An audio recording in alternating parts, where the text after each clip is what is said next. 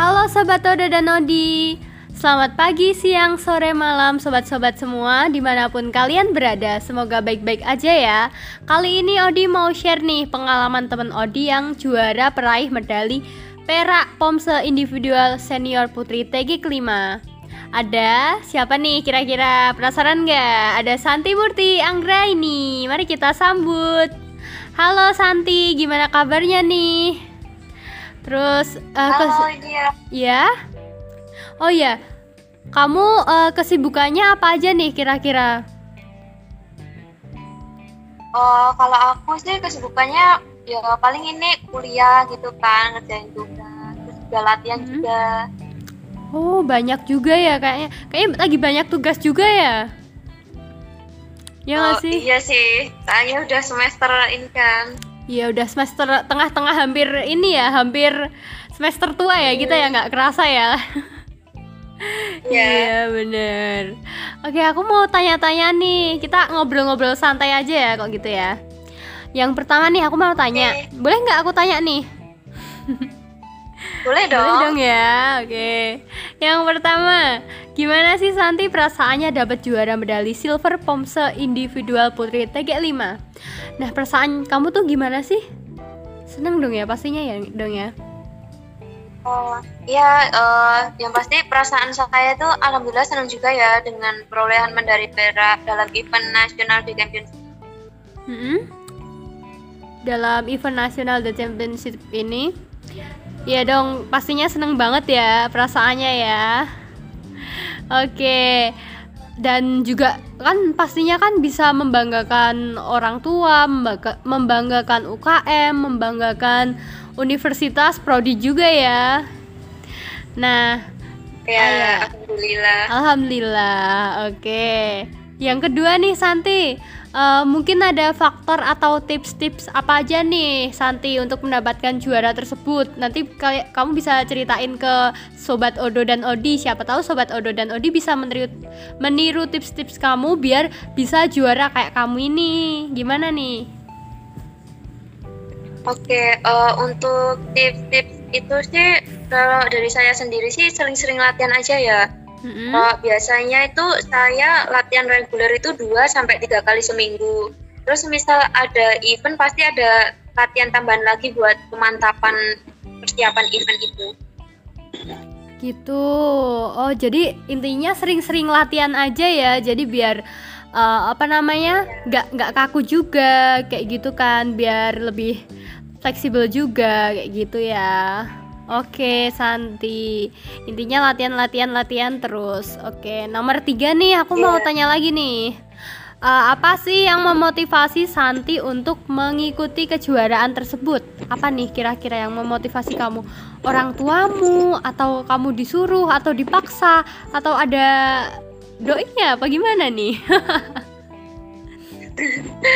Oke, eh, kalau masalah motivasi itu memang eh, mulai tujuan awal saya mengikuti taekwondo kan selain untuk belajar bela diri, saya itu juga memiliki keinginan untuk berprestasi dalam bidang non akademik, khususnya Mhm. dalam cabang seni bela diri taekwondo ini. Nah, selain itu juga saya mendapatkan motivasi eksternal dari pelatih-pelatih saya. Eh, ya. Waktu awal sabuk putih saya kan pernah bilang ke pelatih saya saya kan bilang gini ya e, saya ingin berprestasi di taekwondo apa bisa ya? Kan soalnya saya bilang gitu kan waktu itu saya ikut kan kelas 11 SMA nih. Ya. nah saya kira itu kan saya udah terlambat terus sangat minim sekali untuk eh, kayak kejuaraan sama berprestasi gitu kan. Tapi eh, di situ pelatih saya itu bilang kalau kamu ingin berprestasi kamu juga harus latihan yang rajin yang penting kamu punya niat usaha serta doa pasti kamu bisa jadi juara nah dari kata-kata itu Mhm. yang sampai saat ini selalu saya ingat terus juga jadi motivasi bagi saya sih Gitu. Wow, keren banget ya pelatihnya juga ya. Motivasinya itu bisa bener-bener yang membangkitkan semangat kita gitu ya. Iya, Iya. keren banget sih. Oke, oke. Ada lagi nih yang keempat. uh, ada kepuasan tersendiri nggak sih Santi ketika mendapat medali perunggu uh, sorry perak tersebut?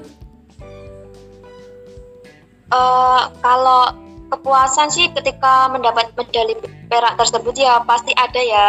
Tapi itu kan hanya sementara karena itu bagi saya itu kalau saya selalu berada pada zona kepuasan tersebut, saya tidak akan berkembang di event atau kejuaraan selanjutnya kan karena prinsip saya itu semisal saya menang dan mendapat juara yeah. ya saya pasti senang dan puas ya senang dan puas dengan usaha saya mm-hmm. tetapi untuk selanjutnya saya harus meninggalkan rasa puas tersebut kan serta perolehan mm-hmm. juara tersebut kan uh, dapat saya jadikan sebagai tolak ukur mm-hmm. untuk lebih giat berlatih agar lebih maksimal lagi di event-event selanjutnya iya bener banget pokoknya semakin jangan gampang puas ya tapi kita tuh uh, pengennya kalau kalau yang apa ngelakuin yang terbaik jadi biar ke depannya itu lebih bagus bagus bagus meningkat lagi kayak gitu ya Iya, yeah. oke. Yang terakhir nih Santi, uh, kasih pesen dong, pesan untuk sobat Odo dan Odi dong untuk teman-teman yang dengerin podcast ini biar bisa menjadi juara kayak kamu. Kayak gimana sih pesen-pesennya?